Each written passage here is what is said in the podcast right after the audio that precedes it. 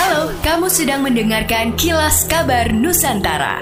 Podcast persembahan KG Radio Network menyajikan berita harian yang mengangkat keunikan dari berbagai wilayah Indonesia.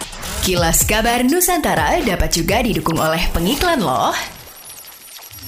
Upaya stabilisasi harga minyak goreng atau Migor, Pemkot Surabaya kembali menggelar operasi pasar dengan menyuplai hampir 24.000 liter Migor ke delapan pasar tradisional Surabaya. Kepala Bidang Distribusi Perdagangan Dinkopdak Surabaya, Devi Afrianto mengatakan, khusus Migor, 23.904 liter minyak kita digelontorkan kepada para pedagang eceran karena masyarakat tidak diizinkan membeli langsung dari distributor agar bisa mengendalikan harga dengan HET maksimal Rp14.000 per liter, sedangkan dari distributor ke pedagang dijual dengan harga Rp12.600 per liter.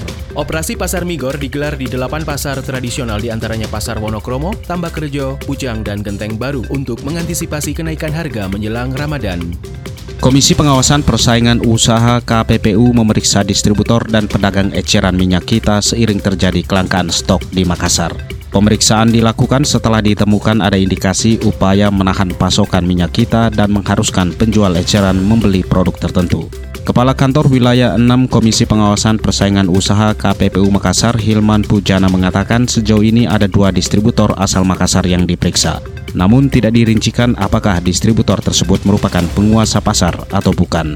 Efek dari modus menggandeng produk tertentu untuk mendistribusikan minyak kita ke konsumen, pihak pengecer minyak kita mengalami kerugian. Hilman menambahkan distribusi minyak kita ke konsumen juga terhambat sehingga terjadi kelangkaan di pasaran.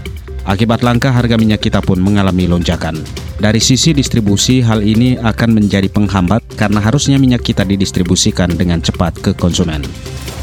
Dinas Perhubungan di Sub Kota Malang belum uji coba satu arah di sekitar kayu tangan pada 13 Februari 2023. Dinas Pekerjaan Umum Penataan Ruang Perumahan dan Kawasan Permukiman DPUP RPKP sudah membongkar median jalan di sepanjang Jalan Basuki Rahmat sampai Jalan Semeru.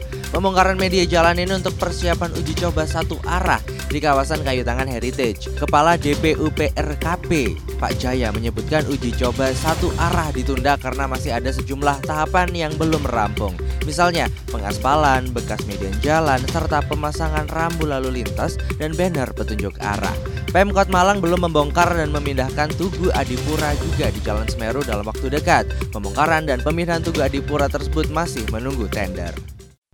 Demikianlah kilas kabar Nusantara pagi ini.